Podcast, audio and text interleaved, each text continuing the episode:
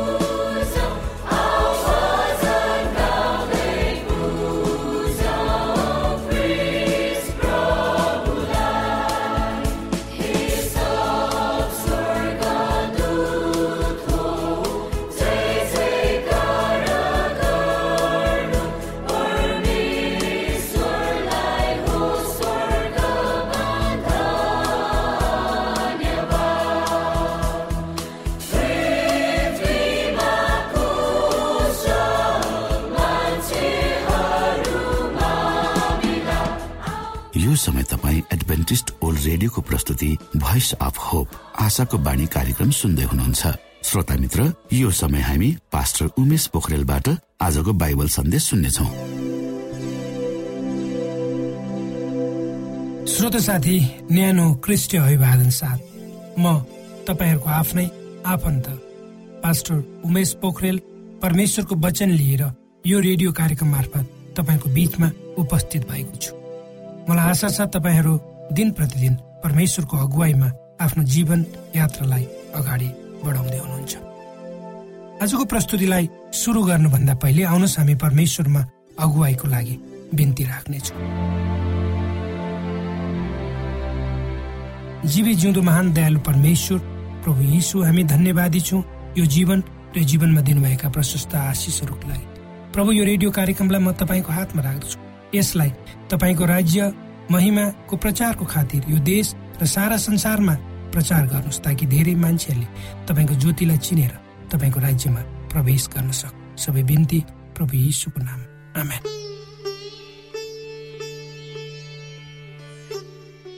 श्रोता साथी एउटा भनाइ छ एउटा ठुलो विद्वानको सर्पको विष दाँतमा हुन्छ झिङ्गाको विष टाउकोमा बिच्छीको बिक पुच्छारमा हुन्छ भने दुष्ट मानिसहरूको बिक सम्पूर्ण शरीरमा नै हुन्छ। तपाईँ र मेरो दिमागको तौल कल्पना गर्नुभएको छ यो दिमाग सानो छ त्यसको तौल एक पोइन्ट तिन किलोग्राम छ थोरै छ। तर भनिन्छ यो सानो दिमागले एक हजार टेराबाइट सूचना अटाउन सक्छ अरे। त्यति क्यापेसिटी यसमा छ।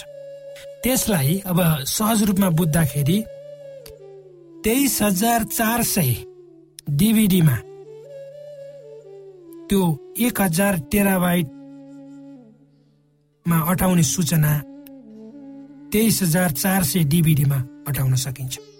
अर्थात् तेइस हजार चार सय डिभिडीमा अटाउन सक्ने सुर सूचना हाम्रो दिमागमा राख्न सकिन्छ। यसलाई हामी कल्पना गर्न सक्दैन। यदि तपाईँले आफ्नो दिमागको मूल्य तोक्नु पर्यो भने कति तोक्नुहुन्थ्यो होला? थोमस एउटा व्यक्ति प्रख्यात व्यक्ति एडिसन एउटा प्रख्यात अमेरिकन चिकित्सा क्षेत्रमा काम गरेका व्यक्ति हुन्। उनले आफ्नो जीवनभरि हजारौं हजार बिरामीहरूको उपचार गरे। उनको मृत्युको समय नजिकिँदै जाँदा त्यति बेला अर्थशास्त्रीहरूले एउटा अनुसन्धान गरे र अनुमान गरे उनको दिमागको मूल्य भनेर। र त्यति बेला पच्चिस बिलियन अमेरिकन डलर खरबौं रुपियाँ नेपाली रुपियाँ भन्नुहोस् बराबरको उनको दिमाग छ भनेर एउटा निर्णय गरे। किनकि उनले गरेको आविष्कार र उनले गरेको लगानीको आधारमा यो अनुमान गरियो।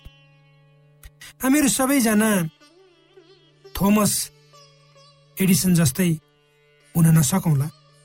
हामीले आफ्नो विषयमा के सोध्छौँ त्यो पनि हामीलाई थाहा नहोला। परमेश्वरले हामीलाई मगज र स्मरण शक्ति दिनुभएको छ। उहाँको सृष्टिलाई संरक्षण गर्नको लागि हामीलाई चेतना दिनुभएको छ। हाम्रो सोचाइ र गराई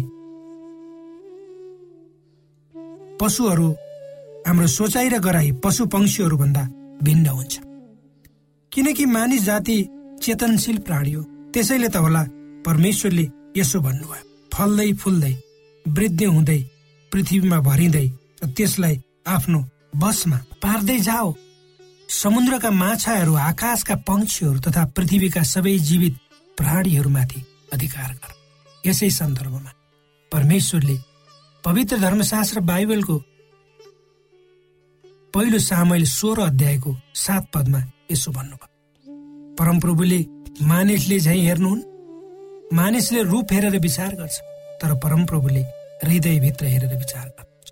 यद्यपि हाम्रो आफ्नै देखावटी बाहिरी धार्मिकपनले अरूलाई हामी मूर्ख बनाउन त सकौँला तर यदि हामी पापलाई आफ्नो जीवनमा भित्री रूपमा स्वीकार गरी हाम्रो दिमागमा त्यसलाई ठाउँ दिन्छौँ त्यसबाट आनन्द प्राप्त गरिरहन्छौँ भने परमेश्वरले हाम्रा हृदयका सबै नराम्रा कुराहरू जान्नुहुन्छ श्रोताहरू। हामी के सोध्छौँ त्यो बुझ्नुहुन्छ। उहाँलाई थाहा छ हाम्रा हृदयहरू कसमाथि भर पर्छ त्यसैले राजा सोलोमन पवित्र धर्मशास्त्र बाइबलको हितोपदेश भन्ने पुस्तकको तेइस अध्यायको सात पदमा यसो भन्छ। किनभने त्यस्तो किसिमको मानिस हो जसले त्यसको दाम उठाउने बारे सधैँ सोचिरहेको हुन्छ।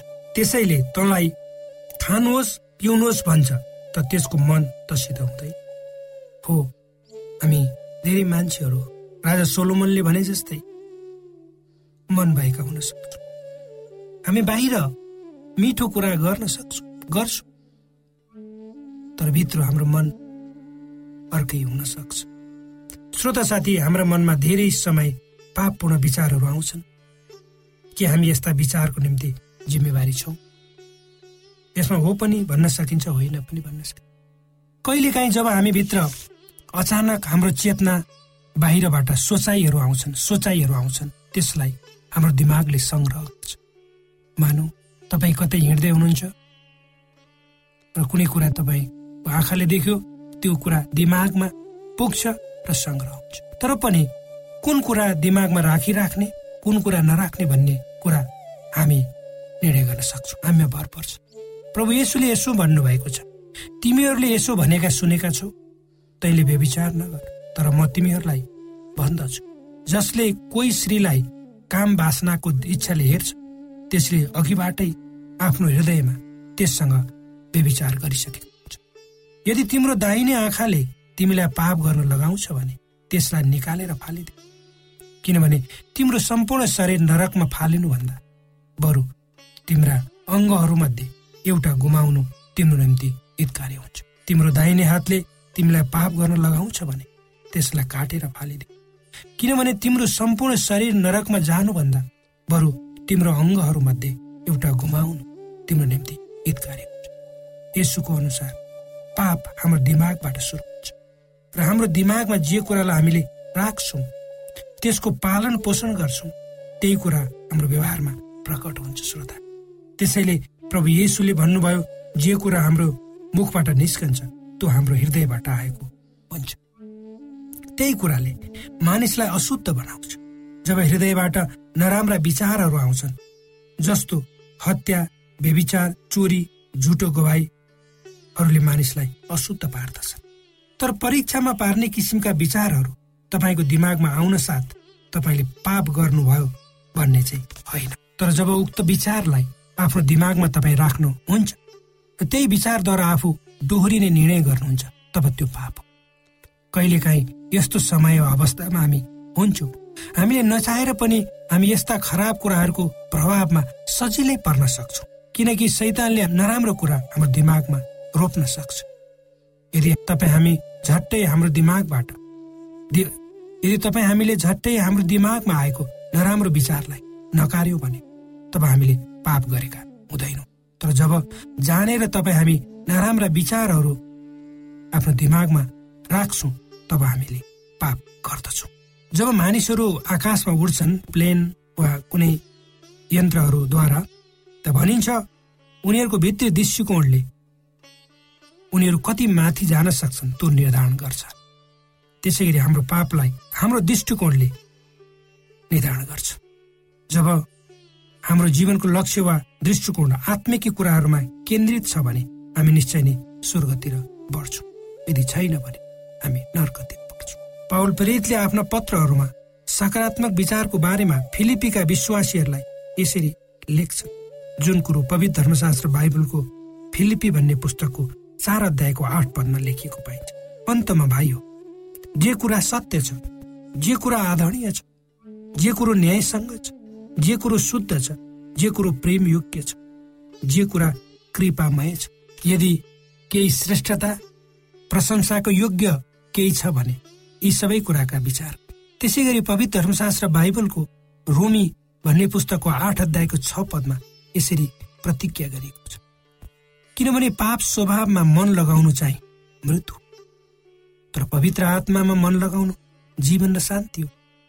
हाम्रो सोचाइमा जति सक्दो हामी सकारात्मक हुनुपर्छ त्यही परमेश्वरको इच्छा पनि हाम्रो मानसिक एवं भावनात्मक सङ्घर्षहरूको बावजुद उहाँले हामीलाई सकारात्मक सोचाइ लिएर अगाडि बढाउन मद्दत गर्नुहुन्छ। र चाहनुहुन्छ वास्तविक विश्वास भनेको त्यही हो जब हामीले परमेश्वर हामीसँग हुनुहुन्छ भने विश्वास गर्छौँ चाहे जस्तो सुकै प्रतिकूल परिस्थिति भएर हामी गुज्रिएका किन नहौँ श्रोत साथी हामी प्राय जसो आफ्नो भावना अनुसार सोध्छौँ र हेर्छौँ यदि तर यदि हामीलाई हाम्रो भावनाले डोर्यायो भने हामी लक्ष्यमा पुग्न सक्दैनौँ। त्यसकारण हामीलाई हाम्रो जीवनको सिद्धान्त मूल्य मान्यता र लक्ष्यले डोर्याउनु पर्छ यही बाटोमा आफूलाई हिँडाउने कोसिस गर्नुहोस्।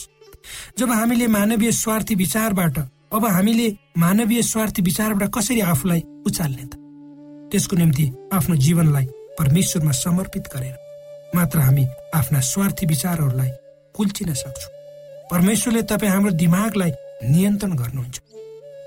जब हामी उहाँको शरणमा पर्छौँ। यो कसरी हुन सक्छ भन्दा हामीले परमेश्वरमा विश्वास गर्नु पर्यो र सहयोगको निम्ति उहाँको चरणमा आफू जानु पर्यो पवित्र धर्मशास्त्र बाइबलको मत्ती बाइस अध्यायको सत्ताइस पदमा प्रभु येसु यसो भन्नुहुन्छ तैले परमप्रभु आफ्ना परमेश्वरलाई सारा हृदयले आफ्नो सारा प्राणले र आफ्नो सारा समाजले प्रेम गर्नु।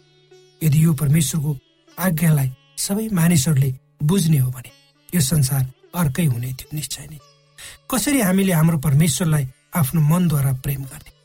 परमेश्वरले तपाईँ हामीलाई निमन्त्रणा दिइरहनु भएको छ ताकि हामीले उहाँको मनद्वारा कुनै पनि कुरालाई हेर्न सक्छौँ। र परमेश्वरको विचारलाई व्यवहारमा परिवर्तन गराई हामी परमेश्वरलाई आफ्नो जीवनमा अङ्गीकार गर्न सक्छौँ। जब हामी परमेश्वरमा समर्पित हुन्छौँ तब हाम्रो हृदय पूर्ण रूपमा परमेश्वरले परिवर्तित गरिदिनुहुन्छ। परमेश्वरले यी वचनहरूमा तपाईँलाई आशिष दिनुहोस्।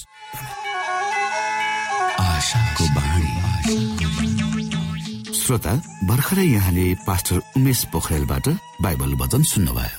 यो समय तपाईँ एडभेन्टिस्ट ओल्ड रेडियोको प्रस्तुति भोइस अफ होप आशाको बाणी कार्यक्रम सुन्दै हुनुहुन्छ। कार्यक्रम सुनेर बस्नुहुने सबै श्रोतालाई हामी हाम्रो कार्यक्रममा स्वागत गर्न चाहन्छौ। श्रोता मित्र यदि तपाईँ जीवनदेखि हरेस खानु भएको छ तपाईँका जीवनमा धेरै अनुत्तरित प्रश्नहरू छन् भने आउनुहोस् हामी तपाईँलाई परमेश्वरको ज्योतिमा डोहोऱ्याउन चाहन्छु र तपाईँ आफ्नो जीवनका चिन्ता फिक्रीबाट निश्चिन्त हुनुहोस् र बाँच्नुको आनन्द परमेश्वरको सामिप्यमा कति मिठो हुन्छ त्यो चाख्नुहोस् भनी हामी चाहन्छौँ। श्रोता यदि तपाईँ आशाको बाणी कार्यक्रमलाई अनलाइन सुन्न चाहनुहुन्छ वा डाउनलोड गर्न चाहनुहुन्छ भने डब्लु डट एडब्लुआर डट ओआरजीमा जानुहोस्। त्यहाँ तपाईँले प्रत्येक दिनको कार्यक्रम सुन्न र डाउनलोड गर्न सक्नुहुनेछ। हाम्रो वेब पेज यस प्रकार छ W dot AWR dot ORG श्रोता यदि तपाईँ हामीसित सिधै फोनमा सम्पर्क गर्न चाहनुहुन्छ भने हाम्रा नम्बरहरू यस प्रकार छन्। अन्ठानब्बे एकसाठी पचपन्न शून्य एक सय बिस अन्ठानब्बे एकसाठी पचपन्न शून्य एक सय बिस र अर्को अन्ठानब्बे अठार त्रिपन्न पन्चानब्बे पचपन्न. अन्ठानब्बे अठार त्रिपन्न पन्चानब्बे पचपन्न. यो आशाको बाणी रेडियो कार्यक्रम हो। म धनलाल राई यहाँहरूलाई यस कार्यक्रममा न्यानो स्वागत गर्दछु। आजको समसामयिक विषयको प्रस्तुतिमा उद्देश्य प्रेरित पुनर्जन्म देश देशभरका आत्मा परिवर्तनका कथाहरू प्रस्तुत छ तपाईँको बिचमा प्रस्तुतिका साथ मिना राई। श्रोत साथी उद्देश्य प्रेरित पुनर्जन्म देश देश आवरका आत्मा परिवर्तित कथाहरूमा आजको कथा रहेको छ साबत पालन गर्ने चर्चलाई भेट्टाउने प्रयास। इभाल्डो डा कन्सिकाओ नाजेर मोजाम्बिक अफ्रिका। श्रोत साथी हाई स्कुलमा पढिरहेको इभाल्डो रोमन क्याथोलिक चर्चको पादरी वा फादर बन्ने लक्ष्यमा लागिरहेको थियो। उसको प्रत्येक क्रियाकलाप वा आनी बानीले आफू भविष्यको पादरी हुँ भनेर देखाइरहेको थियो। मोजाम्बिक देशमा रहेको नाम्पुलाको क्याथोलिक चर्चमा उसले बडो मेहनत साथ त्यस चर्चको क्याटिकिजम वा चर्चको शिक्षा दीक्षा अध्ययन गरिरहेको थियो। नाम्पुला मोजाम्बिक देशको तेस्रो ठुलो सहर महानगर हो जहाँ पचास लाख मानिसहरू बसोबास गर्दछन्। इभाल्डो आफ्नो घरको नजिकमा रहेको चर्चमा चर्चले सिकाएको धर्म दर्शन वा धार्मिक विद्याहरूको बारेमा गहन अध्ययन गरिसकेपछि मोजाम्बिकको राजधानी मापुटोमा जाने तर्खरमा थियो। मापुटोमा फादर वा पादरी हुन चाहनेहरूको निम्ति क्याथोलिक चर्चको तालिमी स्कुल छ। श्रोता तब बाइबल अध्ययन गर्ने क्रममा उसले एक दिन दस आज्ञाहरूको बारेमा पढ्यो। आफ्नो चर्चले सिकाएको क्याटोकिजम वा धार्मिक विद्यामा दस आज्ञाको औचित्य देखिएको थिएन वा चर्चले दस आज्ञाको बारेमा कहिले पनि सिकाएको थिएन। उसले चर्चले सिकाएको धार्मिक विद्या र बाइबललाई तुलना गर्न थाल्यो। एक आइतबार उसले चर्चका विश्वासीहरूलाई दश आज्ञाको बारेमा सिकाउने निर्णय गर्यो। तर त्यो निर्णय उक्त चर्चको फादर वा पादरीले मन पराएनन्। तर उसले त्यस पादरीलाई भन्यो हेर्नुहोस् बाइबलले सिकाएका कुराहरू र हामीहरूले सिकिरहेका विद्याहरू फरक छन्। ती किन फरक छन् र दश आज्ञाहरूको बारेमा सिकाउँदा हामीलाई केही आपत्ति हुन्छ र? यो त बाइबलमै छ मलाई भन्नुहोस् उसको यो कुरा सुनेर पादरीले केही भन्नै सकेनन् उनीसँग जवाफ थिएन। तब इभाल्डोले आफूले पढिसकेको स्कुलहरूमा आफू जस्तै मन भएका विद्यार्थी साथीहरू जम्मा गर्यो ती साथीहरू एक एक गरेर जम्मा हुँदा तीस जना जति भए। तिनीहरूले आफ्नो चर्चले सिकाएका विद्याहरू र बाइबलको बीचमा के के भिन्नता छ भनेर तुलना गर्दै अध्ययन गर्न थाले।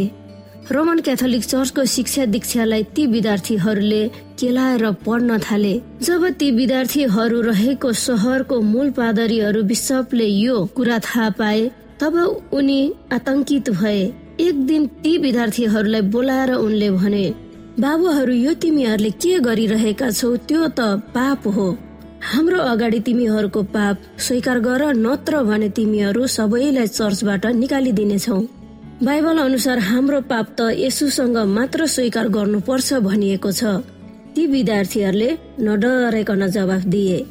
यो सुनेर बिशप ज्यादै रिसाएर तिनीहरूलाई चर्चबाटै निकालिदिए।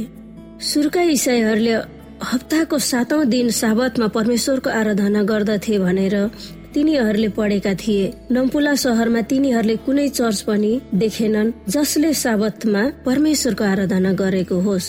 यी विद्यार्थीहरू के गर्ने भनेर छलफल गर्न थाले। आफूहरूलाई चर्चबाट निकालिएकोमा उनीहरू सन्तुष्ट थिएनन्। तिनीहरूले आफ्नो विवेकलाई दबाएर चर्चमा भित्रिन पनि चाहेनन्। त्यसले गर्दा उनीहरूमा फुट पनि भयो। कोही विद्यार्थीहरू आइतबार मान्ने चर्चमा जान थाले भने कोही त आफ्नो धर्म वा आस्था परिवर्तन गरी मुसलमान पनि भए।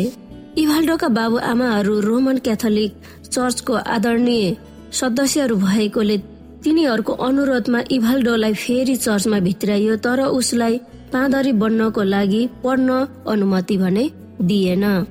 एक दिन आइतबार इभाल्डोले साबतको बारेमा चर्चा गर्दै थियो। तब त्यस बेला एकजना महिलाले भनिन् बाबु के तिमीलाई यो थाहा छ कि हाम्रो सहर नपुलामा एउटा चर्च छ जसले केवल शनिबार मात्रै साबत मानेर आराधना गर्दछ इभाल्डोले अत्यन्त खुसी भएर आफ्ना सबै तिसजना साथीहरूलाई बोलाएर सावत पालन गर्ने चर्चको बारेमा थाहा पाएको कुरो बडो खुसी भएर सुनायो।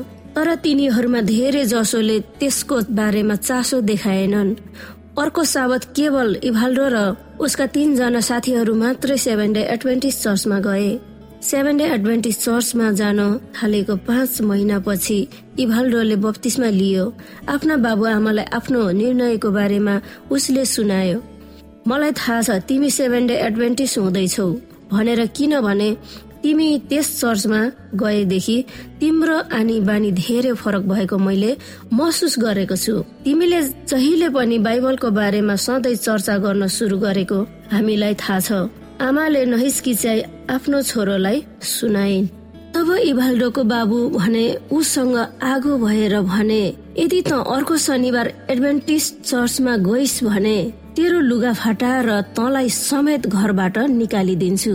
अर्को साबत इभाल्डो एडभेन्टिस चर्चमै गयो। उसको बुबाले उसलाई घरबाट निस्केर जान हुकुम दिए।